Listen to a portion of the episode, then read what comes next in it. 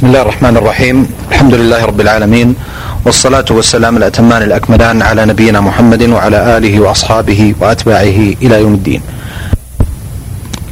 أيها الإخوة والأخوات السلام عليكم ورحمة الله وبركاته وأهلا وسهلا بكم في هذا اللقاء الجديد من برنامجكم في موكب الدعوة يسرنا ويسعدنا أن يكون ضيفنا في هذا اللقاء صاحب الفضيلة الشيخ الدكتور عبد الكريم بن إبراهيم الأغضية الأستاذ المساعد في كلية الحديث بالجامعة الإسلامية والذي تفضل مشكورا بإجابة دعوة البرنامج.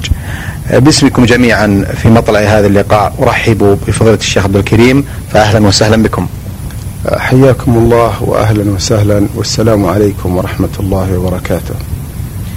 آه، شيخ عبد الكريم الحقيقة بودنا في مطلع هذا اللقاء وكما اعتاد الإخوة من المستمعين والمستمعات آه، أن نعود دائما إلى البدايات الأولى آه، مولدا ونشأة آه، أين كانت؟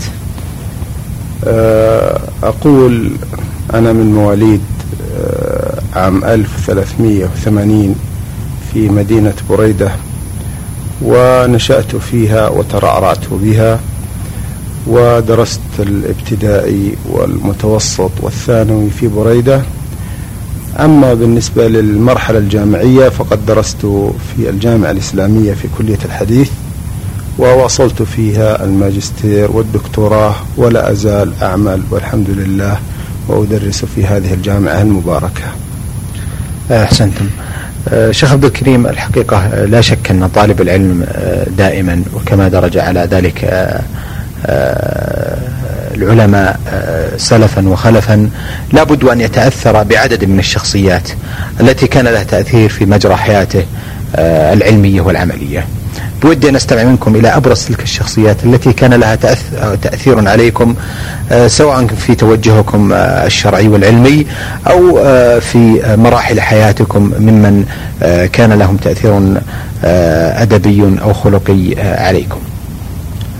الحقيقة آه، يعني من أكبر شيوخي وأعظمهم قدرا وإعطاء لي من كل جوانب الحياة خصوصا الجانب العلمي والتربوي والدعوي هي والدتي لولوة بنت علي الغضية آه، التي ربما الإخوة المستمعون لا يخفى عليهم كتاباتها ومشاركاتها وهي ابنة أيضا شيخي الفاضل الشيخ علي بن عبد الرحمن آل غضية وأيضا شيخي الفاضل عبد الله بن سليمان بن حميد وهو خال الوالدة وعلي بن سليمان بن حميد وأيضا تلميذ جدي آه، البار صالح البليهي رحمهم الله جميعا والخال عبد الله بن علي الغضية. هؤلاء كمشائخ أعيش معهم ليل نهار في أسرتنا وفي واقعنا. أما آه، مشائخي الذين تعلمت عليهم آه، أدركت منهم الشيخ سكيتي رحمه الله وأيضا الشيخ البابطين في مسجد البطين ودرست عليه. وكذلك تعلمت وحفظت القرآن على المدرسين قديما ممن أحضرهم الشيخ رحمه الله عبد الله بن سليمان بن حميد آه، يعلمون القرآن في المساجد وحفظت في مسجد الفدة في بريدة وعلى الشيخ بشير الباكستاني رحمهم الله جميعا.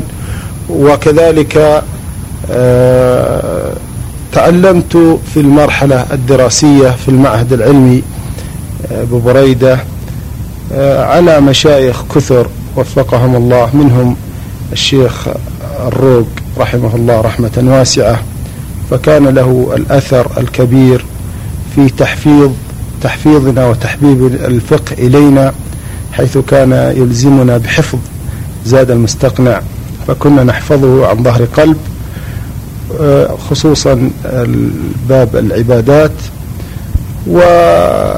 وبعد ذلك في الجامعة الإسلامية آه، تعلمنا على عدد من المشايخ الفضلاء منهم ممن لا يزال آه، موجودا ومنهم من توفي من أكبرهم فضيلة شيخي الفاضل رحمه الله عمر فلاتة رحمه الله وشيخي الفاضل أيضا أبو بكر الجزائري والشيخ عبد المحسن العباد والشيخ عبد الله الغنيمان. وعدد حقيقة كبير جدا من منهم ممن أكثرت من التعلم عليه ومنهم من كانت وقفات وجلسات لكن كان لهم الأثر الكبير علينا في توجيهنا. ولا شك ولا ننسى مشايخنا مثل فضيلة الشيخ رحمه الله سماحة الشيخ عبد العزيز بن باز والشيخ ابن عثيمين كل هؤلاء كان لهم الفضل في توجيهنا وتعليمنا وتبصيرنا بأمور ديننا. نسأل الله سبحانه وتعالى أن يوفقنا أن نسير على نهجهم. بل نكون من البررة الذين يؤدون ما تعلموه عنهم ويوصلون الرسالة التي آه، واصلوا مشوارهم من مشايخهم. ونسأل الله سبحانه وتعالى أن يوفقنا وإياكم لرضاه آه اللهم آمين. آه فضل الشيخ الدكتور عبد الكريم الحقيقة لا شك أن هذه الشخصيات التي تفضلتم بذكرها آه كان لها تأثير كما أشرتم إلى مجرى حياتكم العلمية والعملية. لكن شيخ عبد الكريم آه، دراستكم الجامعية والتي كانت في الجامعة الإسلامية والتي تعتبر آه، مجمع أو منارة من منارات العلم آه، الدعوية الوحدوية بين المسلمين الشامخة. عشتم في جو الجامعة الإسلامية المشهور بجو الوحدة بين المسلمين وعدم التمايز بينهم في اختلاف جنسياتهم ولغاتهم. فضلا عن الجو العلمي الذي اختصت به الجامعة الإسلامية وعرفت بها. ما هي انطباعاتكم عن تلك الفترة التي قضيتموها ودرستم فيها في فصول وأروقة الجامعة الإسلامية؟ الحقيقة الإنسان ما يستطيع أن يعبر عن مشاعره حيال ما كان يخالجنا ونحن نعيش مع الطلبة. لأنه كنت أنا واثنين أو ثلاثة فقط من السعوديين في كلية الحديث في الفصل. فكان كل من معنا في في الفصل كانوا من غير السعوديين بل من غير العرب. والحقيقة كنا نجتمع وإياهم ونحن نتبادل الأخوة الصادقة. لأنه آه، لا لون يجمعنا ولا شكل يجمعنا إلا شيء واحد وهو أننا ندين لله سبحانه وتعالى بالوحدانية وندين بهذا الإسلام ونتبع سيدنا المصطفى صلى الله عليه وسلم. فالحقيقة كان شيء عجيب جدا عندما نتبادل المشاعر ونتطارح الهموم ونحكي عن بعضنا البعض بالرغم أننا نعيش في المدينة إلا أننا نعيش مع مشاعر تختلف عن غيرنا تماما جدا. نعم. لأنه آه، كل واحد يأتيك بخبر كل واحد يأتيك بواقع عن حياته. فكنا نتبادل أشياء آه، الحقيقة ما أظن أحد يستطيع أن يعيشها مثل ما عشناها في الجامعة الإسلامية. خصوصا والحمد لله أن حكومتنا هذه آه، سعت بفتح هذه الجامعة المباركة التي كان القوام لهذه الجامعة تدريس العقيدة الصحيحة والمعلومات الموثقة الثابتة التي كأننا ننهل من آه، الصحابة رضوان الله عليهم ومن السلف الصالح لكثرة ما نتداول هذه المعلومات. الحقيقة عرفنا وتعرفنا على أشياء كثيرة جدا من واقع البلدان لدرجة أنه الواحد آه، هانت عليه الدنيا أن يصل إلى أي طرف من أطرافها لأنه يعرف أنه في كل بلد صديق وله في كل دولة صاحب وله مسكن. فبفضل من الله يعني آه، ظل هذا الهاجس في نفسي أنه لابد أن أزور أصدقائي لابد أن أصل إليهم. وزرت يعني شتى بلدان العالم.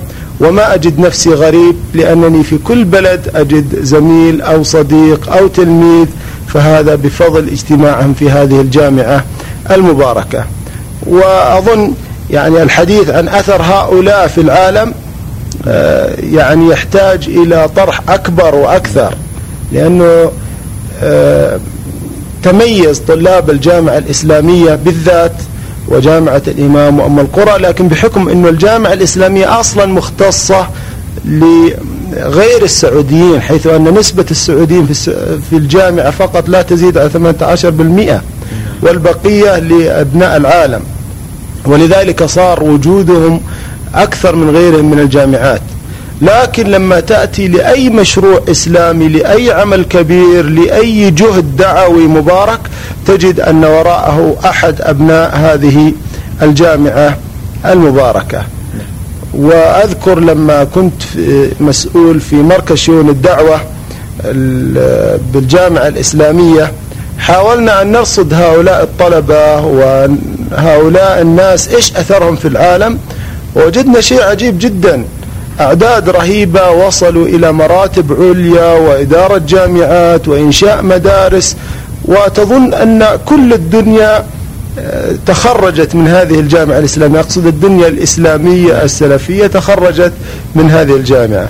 ولا أظنني مبالغ آه، بهذا الشيء لكن من آه، زار الدنيا ووقف على المنشآت الإسلامية السلفية الصحيحة السلفي يجد أن هؤلاء الطلبة الذين خرجوا من الجامعة الإسلامية وراء هذا العمل الكبير. أحسنتم وأثابكم الله.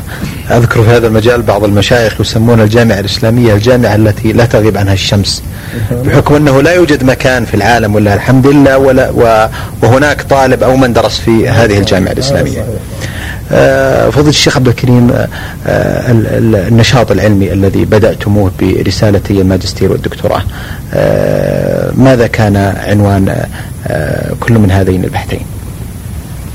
الحقيقة بحكم أني أدرس في فقه السنة بكلية الحديث كان من أكبر الخطط التي سارت عليها هذه الكلية بهذه الجامعة نبش التراث وإحياء خصوصا آه، ما يتعلق بالكتاب والسنة. ففي كتب آه، لا تزال يعني لم ترى الشمس مطبوعة.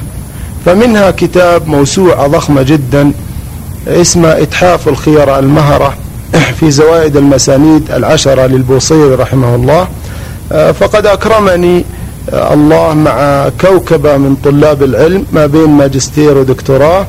أن نحقق هذا الكتاب وأخذت على جزء منه وهو كتاب الجهاد وبعض الغزوات آه، وبعض السيرة وحققت منه الحمد لله ما نلت به شهادة العالمية الماجستير.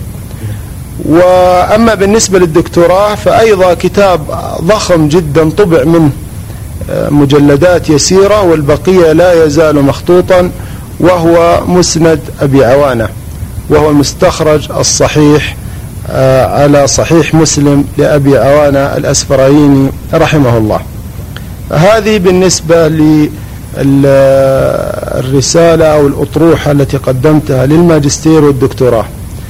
أما الكتب الأخرى آه، فقد أكرمني الله سبحانه وتعالى بأن أكون في إدارة المناهج بالجامعة الإسلامية والجامعة الإسلامية تعتبر فتية بالنسبة للجامعات الأخرى. مما جعل جل المؤلفات والكتب إما معارة من جامعات أخرى أو كتب يعني ينقصها شيء من المنهجية الحديثة اللي تعود عليها الطلاب.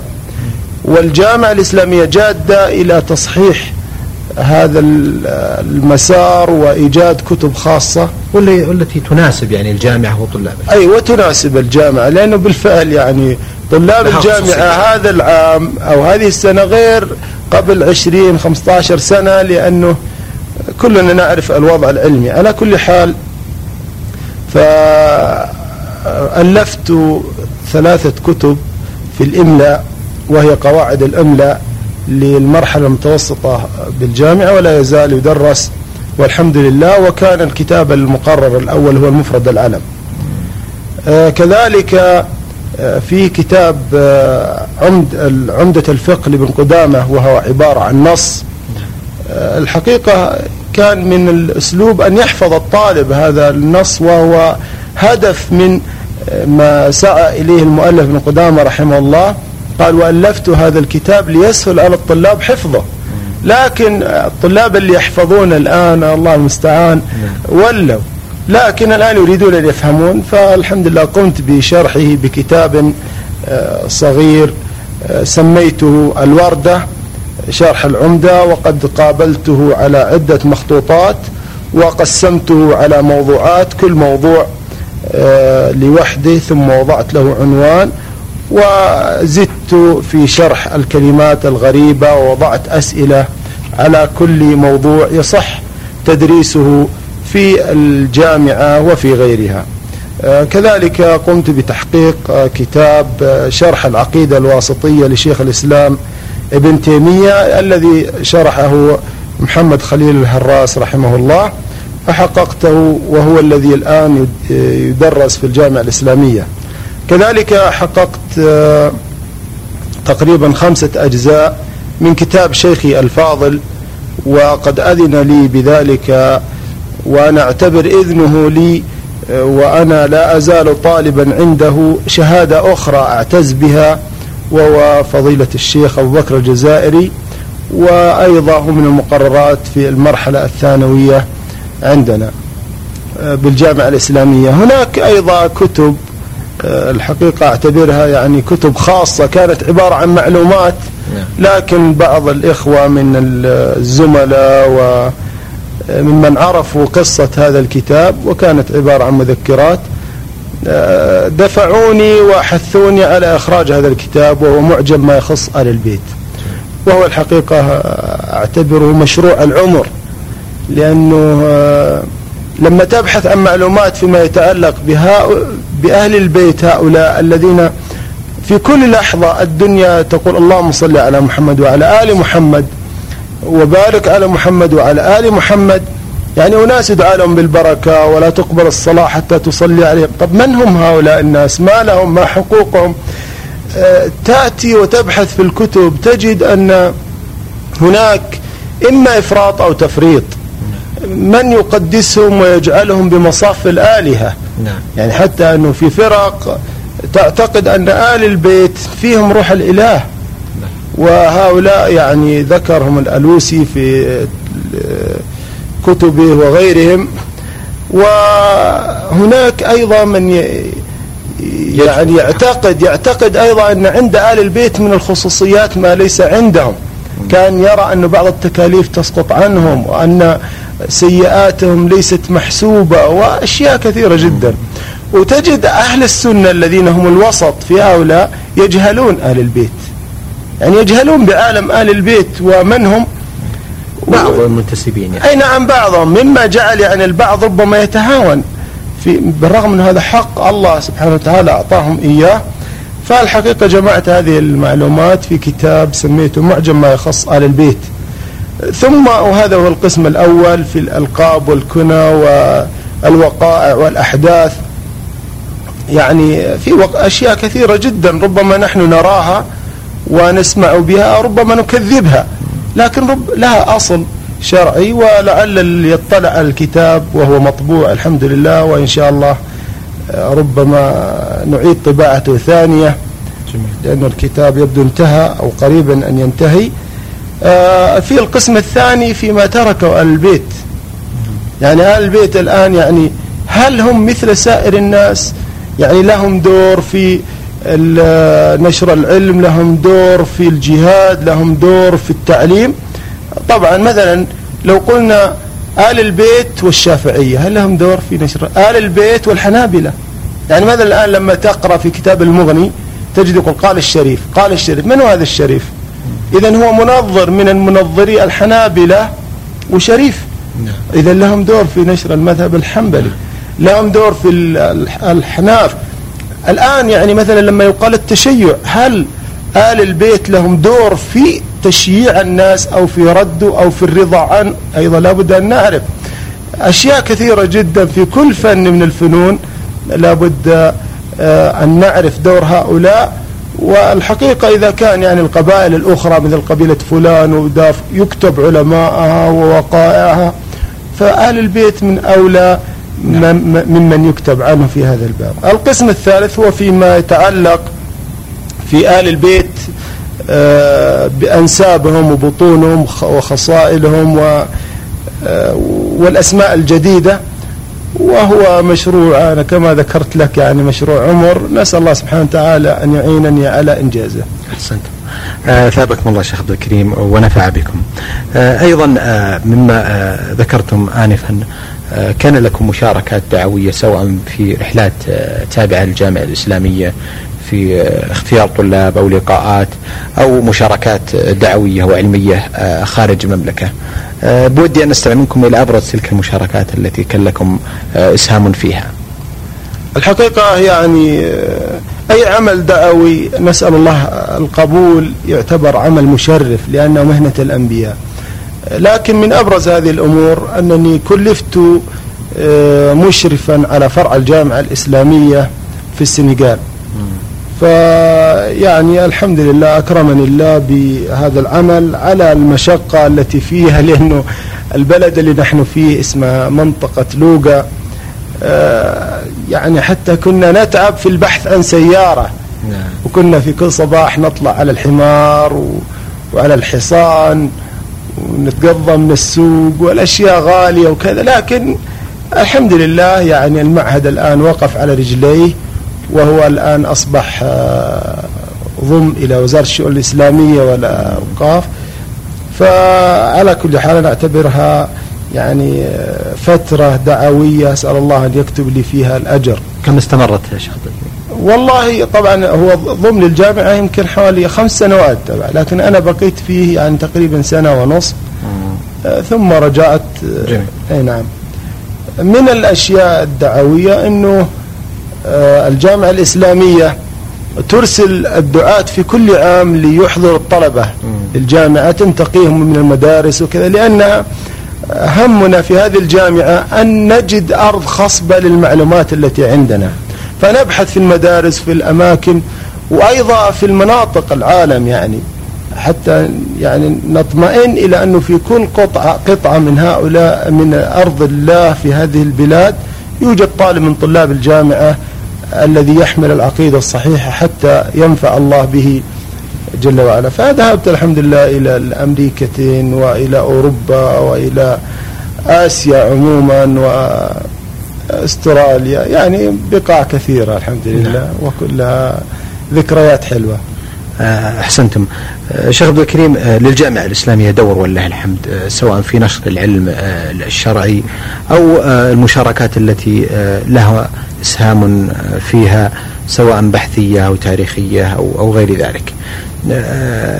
أشرتم قبل قليل إلى إلى قيامكم بالعمل في مركز شؤون الدعوة. أيضا لكم إسهامات في مهرجان المدينة الذي أقيم. بودي أن أستمع منكم إلى مشاركات أخرى آه، كان لكم إسهام فيها. آه، الحقيقة يعني إذا أردنا أن نتكلم عن دور الجامعة في الدعوة الدور كبير جدا يعني في مركز الدعوة في مركز خدمة السنة والآن تحول مركز شؤون الدعوة إلى صار مركز خدمة المجتمع. و الحقيقة كل من يعني كل عمل يقام في الجامعة الإسلامية أو في الجامعات بالمملكة عموما هو عبارة عن إنتاج لهذه الجامعة وعناصرها الحمد لله تشهد لهم الدنيا جميعا. أما بالنسبة للأعمال الأخرى ف نعم شاركت هذا العام في مهرجان المدينة والحقيقة كلفت بإدارة أو الإشراف على القسم الترفيهي في هذا المهرجان. وبما أن المدينة عزيزة علينا نعم. وعزيزة على كل المسلمين الحقيقة النظرة إليها تختلف عن غيرها من البلدان. لأن المدينة يعني محط أنظار المسلمين وفيها مسجد رسول الله صلى الله عليه وسلم وفيها أيضا يعني تحوي جسد النبي صلى الله عليه وسلم والصحابة الكرام. فلها واقع. يعني لا يجوز أن يكون فيها ما لا يكون في غيرها. فالحقيقة يعني المسؤولين وعلى رأسهم صاحب السمو الملك الأمير مقرن بن عبد العزيز والمشايخ والعلماء أحسوا بأن المدينة يجب أن يكون لها طابعها المتميز لها خصوصية نعم. وخصوصيتها نعم. مع أن الخصوصية هذه يعني للجزيرة كلها نعم. لكن بما أن مكة والمدينة يعني لها دور فالحقيقة الجميع يعني آه، حثونا على هذا العمل كما ذكرت لكم على رأسهم سمو الأمير والمسؤولين والمشايخ على أننا نشارك في هذا الموضوع في هذا المهرجان. والحمد لله كان الحضور آه، جدا متميز والإقبال من الناس يشكرون عليه والتعاطف من جميع من قدم المدينة. تحس أنهم يكنون لهالمدينة شيء يختلف عن غيرها. يعني لدرجة أنه المنشط الواحد وأنا أتحدث عن الترفيه ليليا يحضر ستة آلاف ثلاثة آلاف للنساء وثلاثة آلاف للرجال والأطفال. بالرغم أنه يعني الحمد لله لم يكن فيه شيء مما يخدش كرامة المدينة وخصوصيتها إلا أن هناك إقبال وهناك فرح ونجاح. ولست مبالغا لأنه المسؤولين الذين يقيمون الموضوعات أدق مني إذا قلت أن مهرجان المدينة الأول في المملكة العربية السعودية وهذا فضل من الله سبحانه وتعالى. وأتصور يعني أن تنظر إلى ساعتك ما أدري. نعم. قرب الوقت نعم. لأن الحديث عن المهرج المهرجان يحتاج له إلى حديث خاص نعم. آه عموما الحقيقة آه، أجد أنها فرصة آه، جميلة ومباركة وطيبة في هذا الحديث آه، الماتع مع فضيلة الشيخ الدكتور عبد الكريم بن إبراهيم الغضية الأستاذ في كلية الحديث بجامعة الإسلامية بالمدينة المنورة والذي تفضل مشكورا بهذا الحديث الممتع عن رحلته العلمية والدعوية ومشاركاته في الجامعة الإسلامية وفي خارجها. أكرر جزيل الشكر وعظيم التقدير لفضل الشيخ عبد الكريم وأرجو أسأل الله سبحانه وتعالى أن يجدد لنا معكم لقاء قادما لنواصل الحديث عن جوانب مهمة آه، عن آه، العلم الشرعي وعن المشاركات آه، العلمية والدعوية لكم. وأنا أشكر لكم حقيقة وأشكر الإذاعة على إتاحة هذه الفرصة بأن نتحدث لإخواننا المستمعين وأشكر لكم أنتم حيث رحلتم إلى المدينة وقدمتم لتسجلون هذا البرنامج فلكم مني الشكر ونسأل الله سبحانه وتعالى أن يخلص لنا ولكم آه، النية. وإذا أنت وعدت المستمعين بأننا سنلتقي أنا أيضا أعدك بالوفاء إن شاء الله ونسأل الله التوفيق. نلقاكم بإذن الله تعالى على خير في مثل اليوم من الأسبوع القادم وتقبلوا تحية من محدثكم محمد بن عبد الله مشوح والسلام عليكم ورحمة الله وبركاته.